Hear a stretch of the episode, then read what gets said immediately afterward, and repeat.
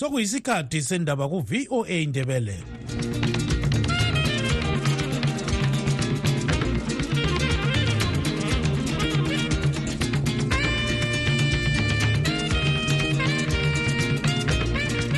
lami ngibonge utano nokawande obesipha indaba ngolimi lwesishona.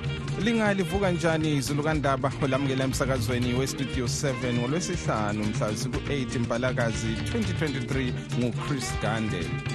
Endabeni zethu lamhlanje ibandla le-ccc lithi ilunga lalo usylvester chiwundiza uthunjiwe elokishini le-epworth eharare ngolwesine wachaywa kabuhlungu wanathiswa ichefu kulilunga lethu le-epworth-ke elithunjiweyo umalume ka-ana sande lo wayekhethiwe-ke ngumongameli uchanisi ukuthi abe ngumeya we-epworth wathi uthunjiwe izolo ntambama wagongodwa yizigebenga wasilela esibhedlela amagqwetha kamnumzana sengezo chabango athi ukuvinjwa kwamalunga ebandla le-ccc ukuncintisa kukhetho lwama-by-elections olwangomgqibelo akusoze kuguqulwe lanxa sebeye emthethwandaba kuyaphikisa lesi sinqumo. Elandelayo kathi ngeyokuthi laba abaqotshwayo bengasebenzisi ibizo lephathi ukungena um ku-nomination um laku-election elandelayo mhla ka-9 ngesaturday.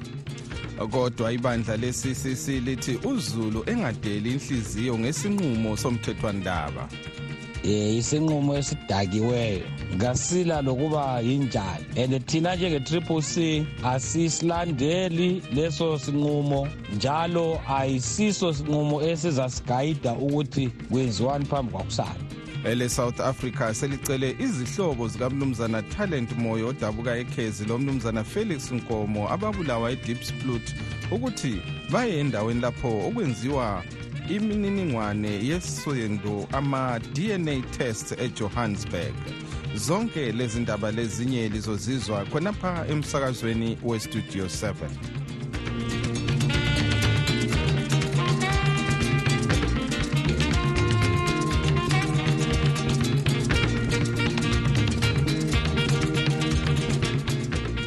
ibandla le-ccc lithi ilunga lalo usylvester chiwundiza uthunjiwe elokitshini le-epworth eharare wachaywa kabuhlungu wanathiswa ichefu ngolwesine. Uchiwundiza ngumalume kankosazana anasande owakhethwa ukuba ngumeya welokitshi le-epworth kodwa wasuswa ngumnumzana sengezo chabangu usande wasuka emzini wakhe wayaphephela endaweni engaziwayo ngoba ebikwa ezingelwa ngabalandeli bebandla lezanu PF sixoxele isikhulumeli sebandla leli umnumzana Promise Mkhwananzi ukuze sizwe ukuningi ngalolu daba yebo kuliqiniso kulelunga lethu le-epworth-ke elithunjiweyo umalume ka-ana sande lo wayekhethiwe-ke ngumongameli uchanisi ukuthi abe ngumeya we-epworth wathi uthunjiwe izolo ntambama wagongodwa yizigebenga wasilela esibhedlela. Sizamele ukuyaripota indaba le emapholiseni kodwa-ke amapholisa alile ukwamukela iripoti yethu esithi wona kumele abuye yedwa iloba elwela empilo yakhe bafuna ukuthi abuye yedwa enkamba azoziripotela yedwa. Sasesicela kamagqwetha ethu ukuthi ayibambe lindaba. Ulimele okunganani ngoba sizwa kuthiwa kukhona njalo okunye akunathisiweyo? Yebo kukhona phandle umzimba wakhe kalimalanga mbona ulimalele ngaphakathi ngoba kuthiwa unathiswe itshefu kodwa sikakwazi ukuthi itshefu le enathisiweyo imlimaze kanganani. Indaba yakhe isemadokoteleni asahlola ukuthi babone ukuthi ukulimala kwakhe kunganani? Manje njengoba lisithi amapholisa awangani awayamukelanga udaba lolu lina liliza luhambisa ngaphi? Kukhona yini lizakwenza sizabe silokhu silwisa ukuthi siripote emapholiseni but silokwazisa ezinye inhlangothi ezinjengabosadaki labo-international parliamentary union lamanye nje ama-organizations achiyeneyo okwenzakalayo ezimbabwe. Kodwa okuqakatheke kakhulu yikuthi sifuna ukukhuthaza izakhamizi labahlali lama-residents ukuthi bengavumi ukuthi omunye wabo athunjwe bekhangele ababuthane bavike babophe bali ukuthi hhayi akula muntu ozabe ehambe ethumba abantu balayinini lesigodlweni lapho esihlala khona sikhangele. Indaba yokuthumba abantu kufuze iphele ezimbabwe. Manje ngokuzwa kwenu kuthiwa kuhambe njani? Baphongumsukela yini? Kumbe kukhona lapho kade ekhona um kule mbuthano kumbe into enjalo kumsukela esendlini besithi kumele aqambe lapho kulo anasande khona lo abavele bemdinga kakhulu.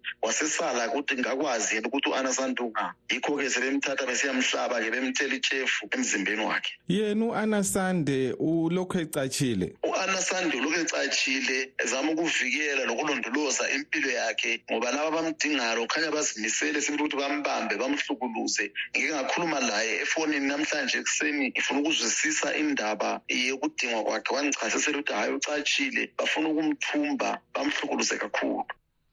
Lo-ke ngumnumzana promise mkhwanyanzi isikhulumeli sebandla le-ccc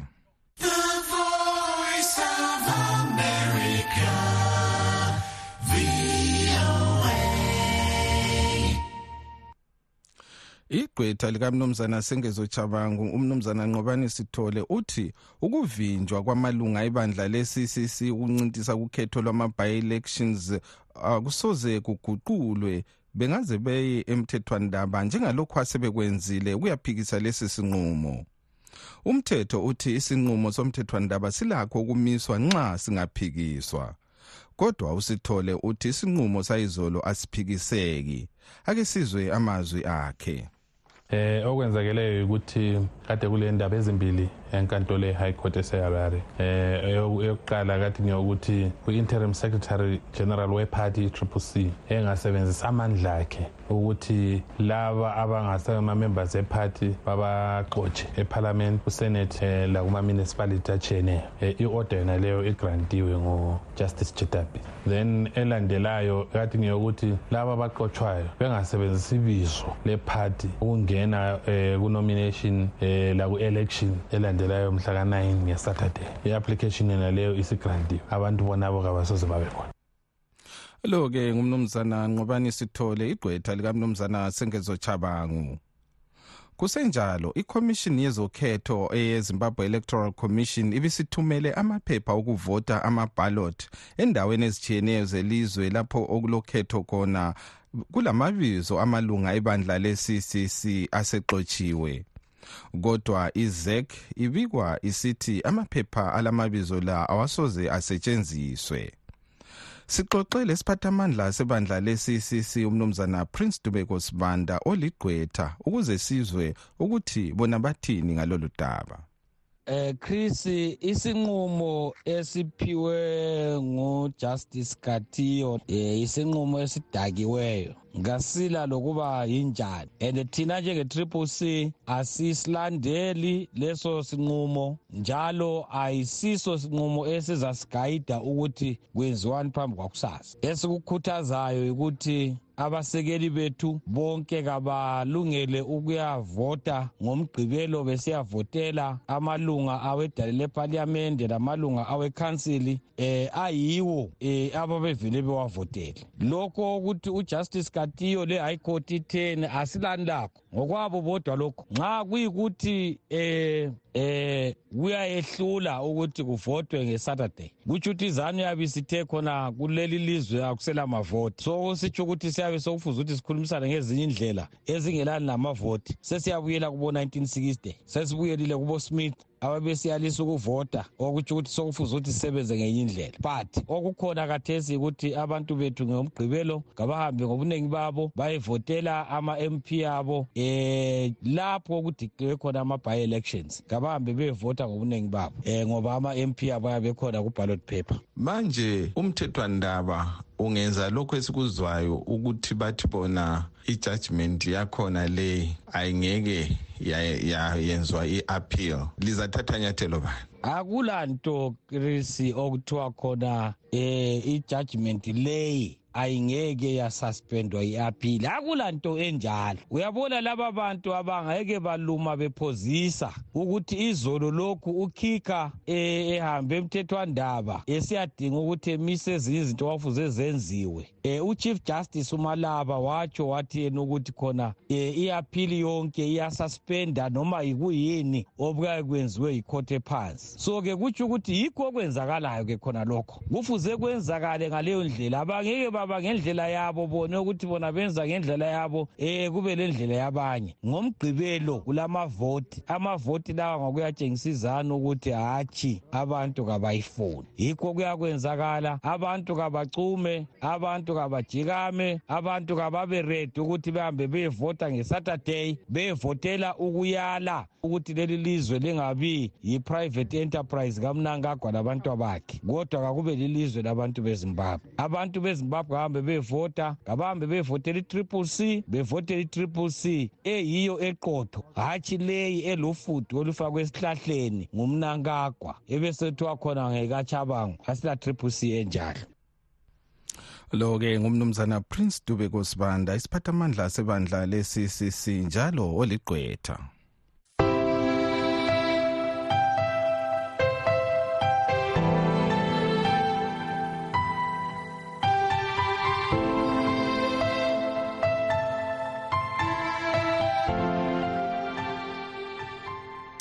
Ele-south africa selicele izihlobo zabazali abadabuka ezimbabwe ababulawa ngabantu edipsplut kwele-south africa ngeviki edluleyo. Umnumzana talent moyo owekhezi lomnumzana felix nkomo wazalelwa echolotsho ukuba ziye endaweni lapho okuthathwa khona imininingwane yosendo ama-dna test ejohannesburg. Obesonta lababili laba kusonto yamapostoli umnumzana mehluli ncube uthi kukhanya kuzathatha isikhathi eside kungakabonakali ukuba imizimba le ngekabani ngoba ababili laba bagangadwa ngamatshe batshiswa ngamathaya ezimota uncube utshele ugibbs dube westudio 7 okuningi ngalolu daba lokho sisalungiselela baba into zangikhona zihamba kancane kancane. Eh ngoba eh bahambile laphana abanye bami mina bengibhizi nje ngisemsebenzini ngichayisa khona nje njengamanje. Kodwa eh into ekhona ukuthi bafuna ukwenza i-DA i-DN test. So i-DN test yakhona ibingakayenziwa.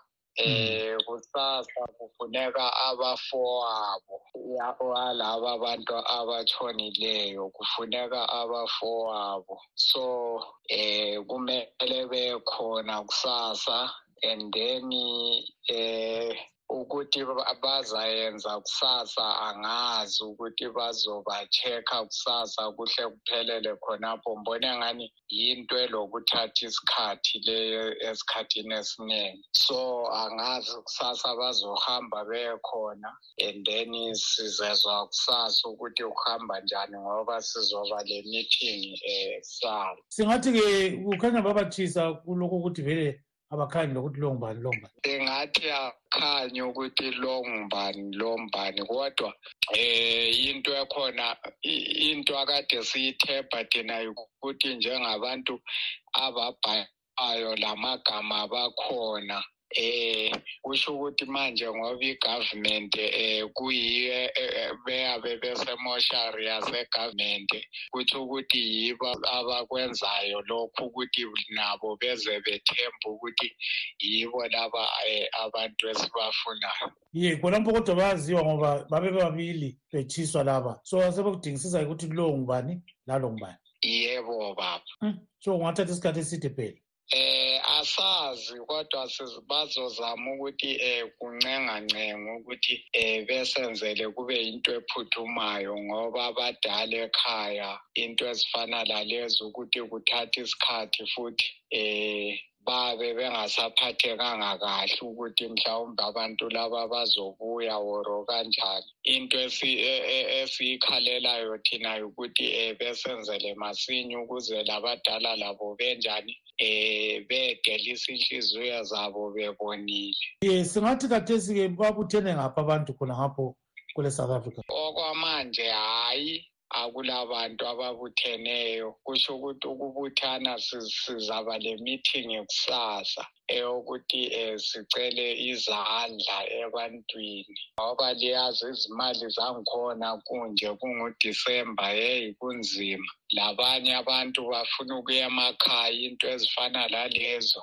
ya kuthanda ukuba nzima sibili ye nxa sesikhuluma nje ngesimo elikiso khona manje kwele south africa limi njani? Kuyalethusa kakhulu kumbe akusichasisele ukuthi abantu bathini abadabuka ezimbabwe. Khona um kuyethusa kuyinto ethusayo sibili ngoba eh abantu uma ungabe ukhonza lo muntu umazi ukuthi hhayi lo muntu asotsotsi akayenzi lutho akatshontshi akayenzini uyazisebenzela eh umethodipis job uyazisebenzela eh omunye uthola ukuthi uyasebenza nsuku zonke and then ubusuthola umuntu onjalo ebulawa kuba yisimanga esikhulu kakhulu.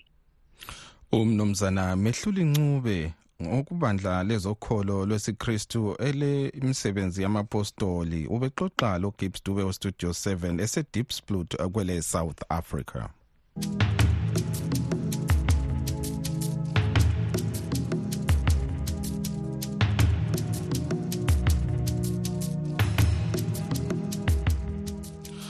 Udaba lokuthi abezimbabwe lezi zalwane zakwele botswana sebezethekelelana kungasetshenziswa amapassport kodwa izithupha lwamukelwe ngabaningi ezimbabwe. Umongameli emerson mnangagwa waziselokhu izolo esemhlanganweni othiwa kusi ideas festival oyenzelwa kwele botswana sixoxe lesizalwane sezimbabwe esihlala kwele botswana umnumzana senzo mseleku Eh, kunjalo umcabango lo has been on the cards for or it has been proposed for a few months. Ngiyazi ukuthi umongameli umasisi ukakhuluma udaba lolu some months back. Uh, and yes kungayenzakala ukuthi kuza eh yenza ukuthi kuthole ukuchapha abantu abaningi abavele kwele Zimbabwe beseza ngapha. Into esimele siyikhumbule njalo yikhona indeed umcabango lo is designed ukuthi uyenze ukuthi kube lula ukuthi umuntu echaphe. Angithi ipassport ezimbabwe idura okumangalisayo ibhadalwa ngama nge-hard currency ngama-us dollars um ungayilahla izimali eziningi. Lalapha njalo futhi ebotswana ba-increase ama-prices ama-passport. Kathesi umuntu engalahle i-passport i think ukuthi uyinansi ngokusha is about a one thousand bula so izimali zokukhona those kind of things ngesilungu they call it ama-barriers to, to trade. Izinto ezingenza ukuthi khona abantu bengachaphi bethenga bethengisa ngenxa yokuthi khona abalazo izimali zokuthi bebhadale ama-passport. Kodwa into kumele siyinanzelele ukhona uh, this program yenzelwe ukuthi khona kube le traceability yabantu ngoba it's designed ukuthi iyehlise uh, the number of people abachaphayo illegally. Abantu abachapha beseqa ibhoda ama-border jumpers ukuna ukuthi umuntu nxa esengapha e, esebotswana or indeed engapho e, ezimbabwe akwazakala ukuthi ngubani engagula. Akula muntu omaziyo ukuthi ngubani e, engachaya imota engatshontsha it's designed kube le traceability ngabe chaphe ngesithupha sakhe isithupha lesiyana yiso yiso hamba laso lasebhoda bayakwazi ukuthi uzibani bani ungenile ulamalanga anje. It, it makes it kube ukuthi kube nzima ukuthi wena indaba ufuna ukuchapha useqa ibhoda uchapha illegally. Umuntu echapha illegally when this thing comes in kuzabe kusobala ukuthi umuntu lo is a criminal ngoba akula any other excuse yokuthi uchaphelani ungela ungela mvumo ungela sithupha njengomunye umuntu nje between the two countries. Zona izizalwane zakwele botswana uzibona zisamukela yini leli nyathelo elithethwe nguhulumende wabo lo wezimbabwe well abantu bayajiyana eh angiboni ukuthi kungayenzakala ukuthi izizalwane zonke zebotswana zicabange ngendlela efananayo whether eh bayavumelana le lo hlelo lolu or abavumelani lalo kodwa engikwaziyo ukukhona eh bakhona nje abakhulumayo besithi hey lapha kuzahlupha ngoba already kulama kule kule element yabantu abavela ezimbabwe othola ukuthi they are involved in crime. Nxa kuthiwa kuleli zigebengu ngalo kuthola baphakathi nxa kuthiwa kutshontshwa inkomo baphakathi nxa kuthiwa kubule umuntu omunye wakhona ngowekhaya. So abanye bayethuka bayakhuluma nje ku-social media ukuthi heyi mbakithi sizenza njani? Manje nxa abantu sebengela okungathi into ebalimithayo ukuthi bechaphe kanti ipassport laphana yiyo yayilimitha ukuthi eh lawe ubuzimisela ukuthi lapha nxa ngikhipha izimali zonke lezi all those hundreds of dollars kumele ngibe ngikwazi ukuthi into engiyichaphela ngale into eserious. Benxa umuntu ezavuka nje ekuseni ethi ah isithupha nazo ukuthi ngichaphe mhlawumbe umuntu lo ekafili i-cost leyana yangena nje ethi mana ngiyewona um so kulabanye abakhuluma njalo kodwa nxa ukhangela abantu abahlala especially in the northern districts or ama-districts lawana which are neighboring ezimbabwe. Kulobunini obuningi laphana between abantu abahlala ngapha labantu abahlala ngale abahlala across the border. So labana they are very happy about it uh, ngoba kuyabasiza ukubana they don't have to kube behlala umnqangela passport kasakhwanisa ukuchapha they can just chapha nje into eyayisenzakala kudala kuthiwa abantu babechapha ngama-day pass. Um uhambe uyedempisa somewhere usuchapha kungela kungela before indaba le yama-passport ingena. So izanceda. I think into ekhona ingahamba wonke umuntu ongapha izizalwane zasebotswana zikhangela indaba lokuthi ayikiyidonse one two three months. Bona ukuthi izasebenza njani? Eh and then into ukuthi obviously eh mbijana mbijana kancane kancane abantu bazayijwayela bebona ukuthi ayasebenza yini or kuyala ngiyabona hayi lathi siyabonga. Lo ke ngumnumzana senzo mseleku isizalwane sezimbabwe esihlala kwele botswana.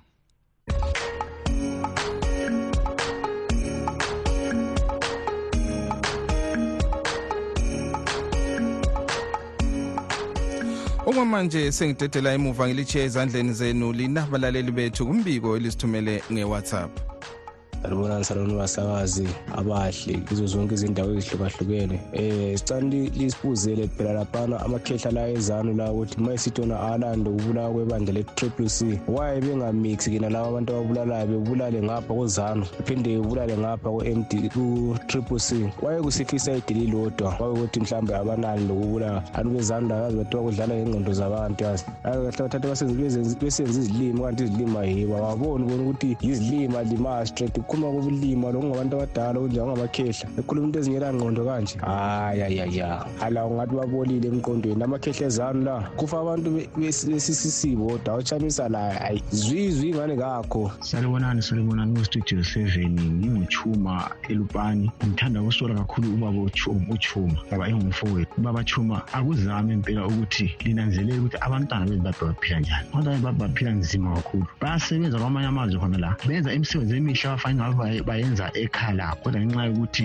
izimbabwe ayilamali ayilalutho kugcwele nje amasela kuphela. Manje kungani manje babachuma lalisapota izanupf abantwana behlupheka kanje? Babochuma njengomfowethu akuzange ukubana kunanzelele ezinye izinto. Abantwana bezimbabwe bayafa lapha e-south africa bayafa kodwa benza imisebenzi emihle kakhulu. Abanamapentsheni kufanele ngabe lezi zinto bazenza ekhaya kodwa bazenza kwamanye amazwe. Ukuze lathi kusithelele amahloni waye wena kungakuthelela amahloni? Ilizwe lihle ilizwe lilokhu lisifa lihla phansi kodwa lilokhu lisizanuphewu zanuphewu studio seven studio seven wathintitha lo. Mina ngiphatheka kabi manje ngoba bathi uhulumeni lo esinayo uhulumeni kazibusi. Uyena lo hulumeni kazibusi lo siphatha ngale ndlela esikhona manje. Asinakho esinakho amanzi asinawo ugesi kasinawo imigwaqo kasinayo. Yini esinayo ngohulumeni kazibusi? Wayingcono kabi umhulumeni amakhiwa ngoba obaba bethu babesebenza babengalali awukhona ukudla babengasweli. Manje phela lo hulumeni kazibusi phela kubuhlungu manje ngoba ayikho into ekhona. Mathintitha studio seven studio seven njani la mina ngifuna ukubona sibili inkulumo yabadala ukuthi ungayizwa sikhala kakhulu sizadabuka ngoba lokho sokusenziwa yizani lokhu? Hayi hayi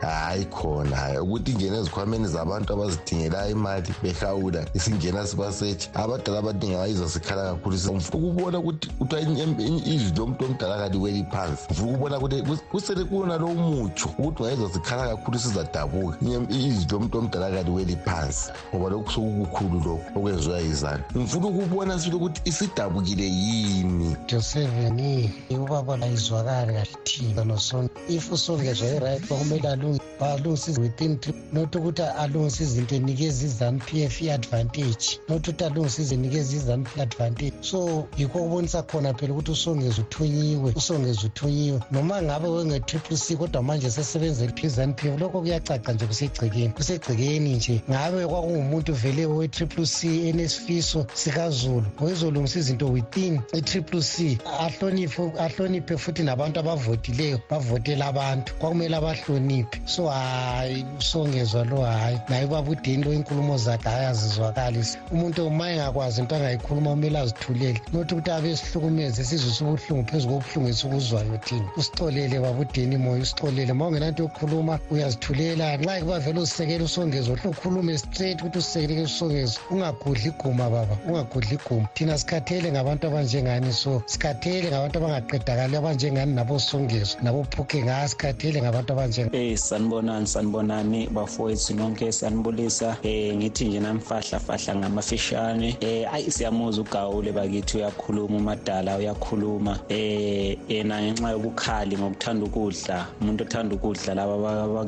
abakhetha ukudla kunabantu bakubo. Manje babhizi balandelana nomnankakho ezibhunu zakhe bekhohle ukuthi umnankakho lo wasibulala wabulala abantu bakibo kabuhlungu kodwa manje ubhizi uyegxeka ne-america de unkulunkulu uzobajesa kabuhlungu. Yena-ke waye bengajezisa umnankakho wabo lo ngoba yena lo mnankakho wabo hambe ebulala abantu. Khona izolo lo baqeda kubulala umuntu kabuhlungu blessing ngayo f. Kodwa ubhizi uyabona indaba zegaza into inkinga khona laphana ekhaya ngomnankakho wabo lo madala lo ogugileyo ngiyabonga. Gawule phendula umbuzo owubuziweyo kuthiwe i-amerika loba isenza imisebenzi emibi leyo wena oyitshoyo ukuthi iyayenza egazi akumelanga ukuthi besole imisebenzi emibi eyenziwa ezimbabwe na? Eyenziwa ezimbabwe na? Phendula umbuzo owubuzwe wona babekele uphonga ukuchancata igangana uyazi into oyitshoyo. Phendula umbuzo owubuziwe gawule sidiniwe ngani gawule lechumi sidiniwe sikhathele ngezanu p f. Sicela ukuthi like lisixelele kancane. Lisixekele sike sitshaywa ngumoya lezanu p f yenu lezimbabwe liyasitakana liyasinyanyisa. Sikhathele siyaduka sigcwele sisabalele imizwe yonke. Njengamacimbi asabalela iganga lonke. Alilasisizele njani lona? Lingabantu bangaphi kanti vele? Ha lawo ke bekungamazwi enu lina abalaleli bethu lisithumele nge-whatsapp kunombolo zethu ezithi plus 1 202 465 0318 okwamanje-ke sizwe udaba oluveza imbono kahulumende welemelika